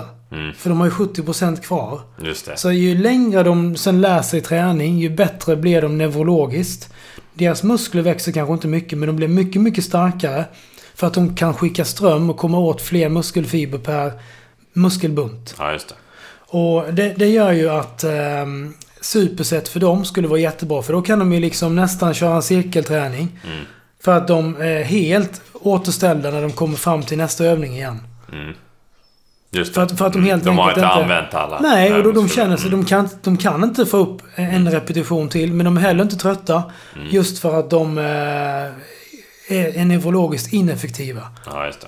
Mm. Så då är det bra att så, ja, köra ett superset. Och då, då kan ju verkligen superset vara bra. Sen för alla andra så kan det fortfarande vara ett bra sätt att spara träningstid på. Mm. Om man gör det rätt. Då, rätt skulle väl vara i så fall att mera rätt är ju att köra fram och baksida om en led. Mm. Så kanske biceps och triceps eller framsida benspark och bencurl. Ja, just det. Till exempel det bröst, bänkpress och sen kör man rodd efter. Ja, just det. För då får ju den ena muskeln vila när den andra jobbar. Ja, just så man inte kör samma. Ja. Mm. Och plus att man vet att, att eh, varje gång jag ska böja min arm, jag ska dra min hand upp mot ansiktet här nu. Så kommer triceps att hålla emot lite. Ja, Men om jag kör triceps innan Mm. så håller den emot mindre. Ja, okej. Men det förutsätter att jag kör biceps och triceps med högst 30-40 sekunders mellanrum. Mm. För att jag ska. För att jag ska Mm. få den eh, avslappningseffekten effekten. Ja, från andra det. sidan leden. Ja, just Ja. det. Om, om du kör längre tid, då blir det ingen bra... eh, Nej, men då, då får jag inte den effekten bara. Nej. Men Ah. å andra sidan kanske jag vinner i att jag är helt åt, utvilad. Mm. För även om jag är utvilad lokalt i en muskel så är jag fortfarande systemiskt kanske trött. Jag är andfådd och trött överlag i kroppen. Mm. Så ja, det är frågan om vad man vinner mest på. Mm. Så vill jag lite längre kanske jag ändå kan ta i lite mer. För att jag är lite mer utvilad. Mm. Ja, men sådär, så du är egentligen mer som till nybörjare då, som du oftast jobbar med? Eller om man då Aj, snarare alltså- behöver tid också i sådana fall? Ja, jag, jag kör ju Mm. mycket superset. Men som sagt var jag kan nog vila mellan 30 och 60 sekunder mellan Mm. övningarna. Beroende på vilka, vilka övningar det är. Just För, det. för att, ehm, för att jag, jag har inte lust att vara där mycket mer än 40-50 minuter. Mm, just det. Ja, men då kör i alla fall en, ja, en, en minut 30 sekunder, 30 sekunder vila då. Så att Ja. Det, eh, ja, ja Mm. Vad sa vi mer om eh, volymbyggande? Du var inne där också på ja, men, eh, reps. Du pratade set. Ja, vi har reps. du ville... Ja, vi har Poängtera. repset och sen har vi ju eh, vilotiden. Mm, Och belastningen, det är de fyra som är de vanligaste man kan liksom manipulera med. ja, Så om jag ska skapa överbelastning i min muskel för att jag vill bygga muskler och det är det jag behöver göra. Då kan jag ju antingen höja vikten Mm. och allting annat är konstant. Eller lägga på ett set Mm. och allting är konstant. Eller öka jag repsen men allt annat är konstant. Eller så får jag då minska arbetstiden så att jag har lyft samma saker men på 10 minuter mindre tid totalt. ja, just det.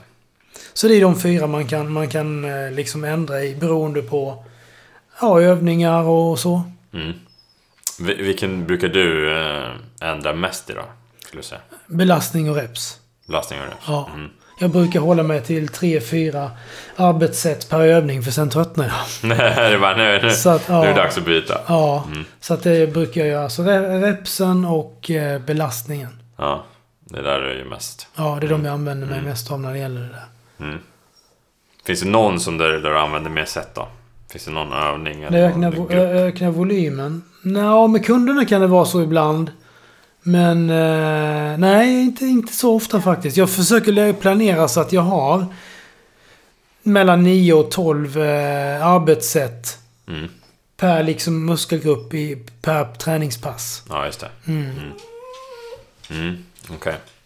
Ja, det är Tia som är med om, om någon som hör att, han, att han låter lite. tar loss den här som kan få sitta lite ner. Jag såg hon fastna, fastna där i... Ja, hon vill också vara här med här uppe. Det är det. Ja, men det är klart. Hon är med överallt. Ja, men det är bra. Härligt. Så vi har en till gäst med här idag. från Ja. Tia, min hund. Ett och ett halvt. Just det. Ja, exakt.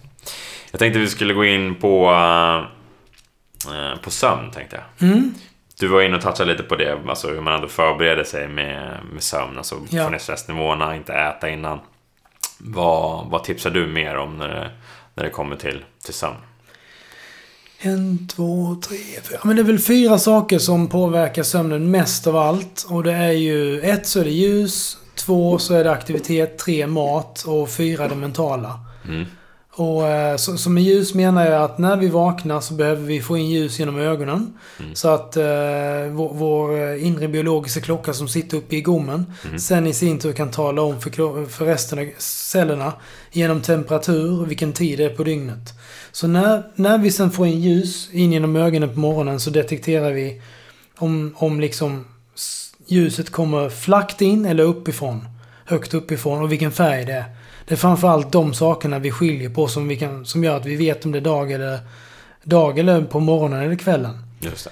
Så därför behöver vi då ha in ljus i ögonen på morgonen och allra helst hela förmiddagen så mycket som möjligt. För vi samlar lux fram till i alla fall mitt på dagen. För att så kraftfullt som möjligt ställa in vår inre klocka liksom. Mm. Och med det menar jag att man kan tänka sig att man har ett timglas. Så att när vi, från det att vi vaknar och får ljus in genom ögonen. Då vänder vi på timglaset som är 16 timmar. Så efter de 16 timmarna så kommer vi att bygga upp, eller under de 16 timmarna. Så bygger vi upp ett sömntryck i hjärnan. Som sen gör att vi är lagom trötta och går och lägga oss och sova gott efter 16 timmar. Mm. Och då på kvällen skulle det också vara bra i den mån man kan. Om man kan få se solnedgången. Alltså i vart fall himlen liksom. Så att ögonen återigen får se den här färgskiftningen. Mindre blått, mera rött. Ehm, och att, att ljuset inte kommer så högt uppifrån. Och det kan vi ju effektivt sabba genom att tända lamporna hemma i taket. För då kommer ljuset, dels är det blåare och sen kommer det ju uppifrån. Mm. Så då tror vi fortfarande att det inte är kväll. Så det är jag noga med nu när jag byggde om båda mina lägenheter jag haft. Så har jag spenderat mycket på att ha dimra i precis allt. Och när jag dimrar ner dem så blir nästan alla lite gulare. Mm. För vintertid. Just det. Ja men det där är ju, det är ju smart att man inte har starka lampor och det är någonting Så jag kommer jag tror det var efter jag träffade dig första gången, Mm. då pratade du också om ljus att, så här, Ja. att det är viktigt att inte Så jag brukar också släcka ner, jag har en lampa här nu som är tänd Ja. men den brukar jag också dra ner Så har jag en lampa där bakom, den brukar jag tända då och det Ja. är betydligt mindre För det är ju liksom i, ovanför elementet så det är ju bra höjd. mm. Och mindre ljus.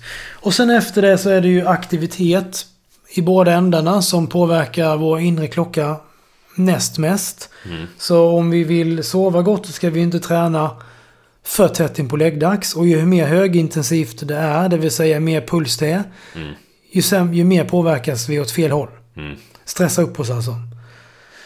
Och på morgonen om man då vill vakna tidigt så kan man ju sätta igång och göra något aktivt direkt.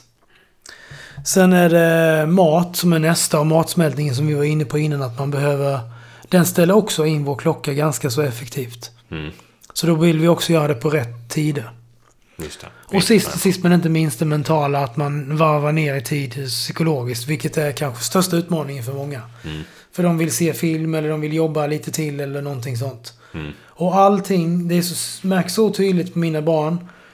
Särskilt min son. När, han, när vi liksom ligger och kollar på film. Så kan han vara helt inne i filmen och han vill absolut inte stänga. Men när jag sen ändå fäller ner Mm. locket och vi stänger. För vi kollar oftast med, med iPaden. Mm. Så går han in och lägger sig och sen somnar han på några sekunder bara. Mm. Men hade han fått sitta där och titta så hade han ju kunnat glatt suttit där i två timmar till. Mm. Så att så fort vi är inne i någonting så får inte hjärnan chansen att liksom registrera att vi är trötta. Mm. Så där vill man helst också ha en bit ifrån läggdags. Just det Vad borde man vilja ha alltså innan man släcker ner slutet? Nej men ba- bara, bara så att man får chansen att verkligen varva ner mentalt. Jag brukar ju lyssna på saker. Det är det jag gillar att göra. Ja, det kan lyssna på. Det kan handla om Nej men det vi pratat om hela den här stunden. Eller så kan det handla om något intresse jag har. Vad som helst egentligen. Mm. Eller är jag bara så trött att jag släcker ner direkt och, och så somnar jag. Mm. Och så är jag noga med att jag liksom aldrig jobbar eller gör någonting sånt från sängen. Absolut inte. Får inte barnen heller göra. Nej Råka sitta där och göra läxan eller något. För att vi är vanemänniskor så vi vänjer oss vid att göra saker vid olika ställen. Så vi ska absolut inte göra sånt i från sängen. Mm. Nej men precis ingenting. Nej, nu, nu ska jag för mig för att sova. Då ska inte tankarna vara på, Nej, på nej. något sånt. Nej. Det, det, och vad var det mer jag tänkte på? Men, men en, annan- en annan viktig, ett av de viktigaste sakerna jag upptäckte för tre fyra år sedan när jag lärde mig mycket om sömn. Genom eh, Matthew Walker. Och den boken han släppte, Sömngåtan. Så var det ju att eh, regelbundna tider är det som har förändrat mest för mig. För jag har Mm. alltid sovit bra men det har verkligen gjort det ännu bättre. Och med det menar jag att jag, jag stiger nästan till alltid upp vid sex. Förut var det vid fem. Nu har jag bara unnat mig att sova ut till sex. Mm. Men det spelar ingen roll om jag är i, i, i franska rivieran på semester. Då kanske jag sover till halv sju. Mm. Eller sju då. Men, men max plus minus en timma. Just från det. sex. Mm. Så helst inte före fem, men inte, för efter, inte efter sju. Mm. För då undviker jag att göra en så kallad eh, social jetlag. Mm. Det vill säga att jag glider iväg i min inre inställning. Så att jag har ju ställt larmet hemma två gånger. Den ena var till Los Angeles för fyra år sedan eller tre. Och den andra var nu när vi skulle till Frankrike. Och jag skulle upp kvart i fyra. Mm. Då ställde jag också, men inte en gång annars för, på fyra år Nej. har jag ställt klockan. För att jag vaknar alltid vid samma tid. Ja, det är inställt på det. Du har fått in det som en rutin. Ja. Samma. Mm. Ja, jag har ställt in min klocka och... ehm, det gör ju också att jag behöver lägga mig någorlunda vid samma tid. ja, just det. Plus minus timman där. Så det är båda ändarna man behöver hålla det. Mm. Och då har vi 80% igen.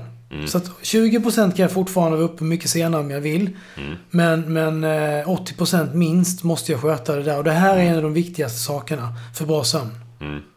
Ja, men det där känner jag är jag tror många kan skriva under på det också, avgörande tycker jag. Alltså jag gör samma metod som dig, att jag liksom går och lägger mig ungefär samma tid och går upp Mm. tid också.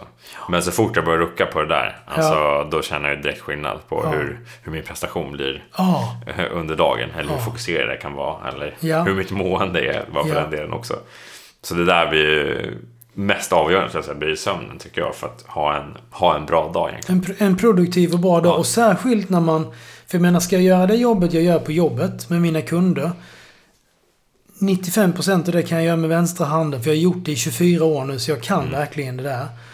Men allt andra jag gör, som bygger mitt företag på olika håll och kanter och, och, och, och, försö- och, och vara kreativ. Det kräver ju att jag är utvilad och utsövd. Mm. För att jag ska komma åt de här idéerna. Mm. Så väldigt många gånger vaknar jag och har svaren klara för att jag har sovit ut.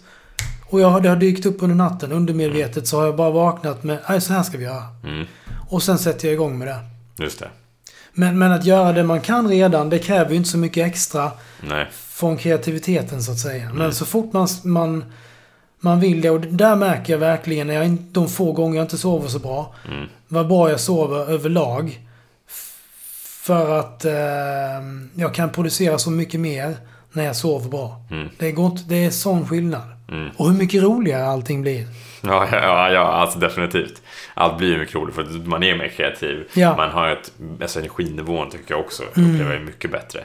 Eh, så att, ja, det blir ju mycket mer taggad på saker och Ja. ting. Och sen tvärtom när du, alltså jag känner direkt så här, jag har inte sovit bra, men då är det så här, ja, då kan jag börja ta, då vill jag ha något socker för att Ja. det är det som piggar igång mig. Ja. Jag orkar inte göra den här, stå och laga mat, så då gör jag något annat där. Alltså det blir så här, direkt blir besluten, vilket är okej ibland, som du säger. Mm, mm. Hålla en 80-20 balans på det. Men Ja. jag känner ju alltså, ja, blir inte alls lika, blir inte alls samma energi och samma produktivitet och kreativa känslan när jag inte har sömnen där. Så det, Och en, en, någonting som jag märkte, för att i natt har jag sovit jättebra. Det är kul för nu när jag ändå skulle hit här så att jag känner mig pigg. Extra pigg till och med. Men natten innan sov jag mindre bra för då hade Ja. jag varit, haft liksom årsmöte två i rad på två olika kvällar. Och jättemycket jobb och eh, jobbade, valde att vara aktiv och jobba till halv tio tror jag, vilket jag aldrig brukar göra. nej. Så sällan. Så att jag sov sämre. Jag vaknade på natten och så var jag vaken en och en halv timme mitt på natten. Mm. Så... ehm, och det var så... För jag gick till affären sen på kvällen efter middagen. Och skulle handla mat till Tia. Och bara shit, jag är fortfarande su- sötsugen. Jag är sugen på någonting ändå. Mm. Och så går jag och tar ett päron. Kommer till kassan. Och vänder mig till vänster. Då ligger allt plockgodis där. Och jag äter aldrig godis. nej. Nu tar jag päronet och går och lägger tillbaks det. Och fyller en halv påse med plockgodis. Och går hem och äter typ hälften av det i och för sig. Ja. Och sen slänger jag påsen. Ja, Men, men det var ju för att jag hade sovit så dåligt. Jag har ingen motståndskraft. nej. Alltså sånt som jag vanligtvis inte ens... Jag skulle inte ens sett Tänka, det. det, fin, det plötsligt så är den dörren öppen. Mm. Så att massa sådana där intressanta grejer. Eh, när, när man har sovit lite. Bara som motståndskraften att säga nej i situationer som man behöver säga nej. Mm. Ja men där känner jag igen mig till 100%. Alltså Mm. jag har, ja, det har exakt liknande scenario. Mm. Så när, alltså när, när jag har haft en sämre sämre, det bara, nej jag vill ha det där. Alltså bara som bara, jag- då bara fokuserar jag på det som du säger. Ja. Typ på godis eller glass för min del kan vara så här en, Typ Ben Jerrys. Alltså, Ja, det, då ja. bara så står jag och ser Ben Jerrys när, Ja. när jag har haft en, alltså en sämre sömnkväll. Ja. Alltså det, ja. Det, Mm. Nej, men det, det, det är häftigt att, att veta. Man kanske har med, visst, alltså, känt av det förut, men jag har aldrig riktigt visst vad det beror på. Mm. Och ju mer man då lär sig om saker, så nu vet jag också vad det beror på, vilket gör det ännu mer intressant. Mm. Ja, men exakt, då förstår man det bakom det. Ja. Så här, hur viktigt det faktiskt är att Ja. lägga ner, alltså att få en bra sömn. Mm. Det är otroligt viktigt. Och sånt som vi inte kan kontrollera, som att samma mängd mat, samma typ av mat, samma tallrik. Mm. En dag när jag sovit bra gör mig mycket mer mätt och mindre hungrig än en dag när jag inte har sovit bra. För då blir jag både mer hungrig och mindre mätt av precis samma mängd kalorier och samma makros. Ja, det där, det där eh, har jag också tänkt på. Men det, det är så alltså att man... Mm. Ja. Okej. Ja. Och det är på grund av att man inte är tillräckligt utvilad? Eller för Nej, att ja, man... det, det är för att leptin och ghrelin, de två hormonerna som styr mättnad och hunger, Mm. de går i fel, åt fel håll. Liksom. Mm. Ja, okej. När man har för lite sömn? När du har sovit för lite. Ja. Så därför blir du liksom eh, inte lika mätt av samma mängd. Och du blir också mera hungrig. Mm. Så de går helt i fel riktning. Då förstår man ju också om man, alltså ur ett träningssynpunkt, hur viktigt det är med, med sömn då. Alltså för man, jag tänker att det är sällan man, eller om man tänker i alla fall nu så vill man ju oftast gå ner i vikt. Alltså Mm, då, Många vill ju ändå gå ner i vikt. Jag skulle säga mer vill gå ner i vikt än gå upp i vikt i Ja. alla fall. Och, och ne- Och det- ner i vikt och då menar vi gå ner i fett. För Ja. om man tänker sig så här, det är oftast för diffust när man skriver om det eller får prata om det. Men gå ner i vikt kan man göra genom att, att fett eller muskler eller vätska, annars får du skära av en arm eller något. Och det är inte heller, det är inte det. Så att, och vätska kommer ju försvinna mer eller mindre beroende på vad man väljer att ta bort i maten. Eh, kolhydrater till exempel, en, ett gram kolhydrater binder 3-4 gram vätska. Så är det de du skär bort tidigt, då kommer du även att bli av med vätskan de skulle ha bundit. Mm. Så då blir det mera. Men eh, vad var det jag skulle komma till där? Vad var det jag skulle komma... Vad var jag inne på nu igen? Leptin, grelin... Ja, alltså vad som skulle hända med om man, alltså om man går ner i fett. ja precis. Men om man har sovit dåligt, hur det påverkar. Ja, och det, det är en jättebra studie att, att eh, de hade gjort på, på två grupper. Som båda hade samma kaloriunderskott. Mm. Nu var de i och för sig inte tränande grupper, de var bara två grupper som icke tränar. Mm. Men båda låg på samma kaloriunderskott. Och eh, över om det var 6-7 veckor eller vad det var, 8 veckor kanske. Så ena gruppen fick sova ut alla dagar i veckan. Den ena gruppen fick stiga upp tre timmar för tidigt, fem dagar i veckan. Alltså upp och jobba. Mm. Och sova ut på helgen. Och båda grupperna hade gått ner lika mycket i vikt när det här var över. Men den gruppen, och lika mycket... Så, men den gruppen som då hade eh, sovit ut hade gått ner 90% av sitt från fett. Och den gruppen som inte hade sovit ut hade gått ner 88% av sitt från musklerna. Oj. Och det är ju det är en enorm skillnad. Ja, det var inte så bra. Eller, alltså det är tanke på om man- vill gå ner i fett eller Ja, muskler. liksom. precis, och så när man vill gå ner så är det ju oftast, eller det är, Det är fett. det är fett man vill bli av med. Ja, inte, inte, inte inte, muskler. muskler. Ja. Inte muskler. Så sömnen är så otroligt viktig. Och det är därför jag också när jag har mina konsultationer försöker bena ut 0 till 10, hur bra sover du?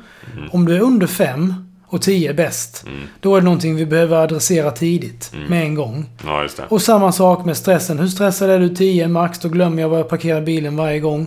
0, det är, det är 0. Mm. Och det, ja, och skala däremellan. Och är det över 5, då behöver vi eh, möjligen se över det. Just det. Djupare. Mm. Och samma sak med kosten. Hur medvetna kostval gör du dagligen? Och då vet folk ungefär var de faktiskt ligger. Mm. Det brukar de vara bra på att scora i. Och det är de här, det, det- utifrån det jag utgår ifrån. Sen vad ska vi prioritera utanför gymmet? För Just det är ändå största delen är utanför. Ja, exakt. Du säger, det är som av 16 timmar som man är vaken ungefär så är det en timme på gymmet. Ja. Så vad är resterande tid? Ja, och då är det inte ens sju dagar i veckan oftast. Nej, exakt. Kanske fyra, fem. Ja. Ja. Det beror på vem, vem du har framför Ja. dig såklart. Ja. Eh, hur träningserfaren och hur, hur mycket tid den lägger på det. Så att, Mm. så att säga.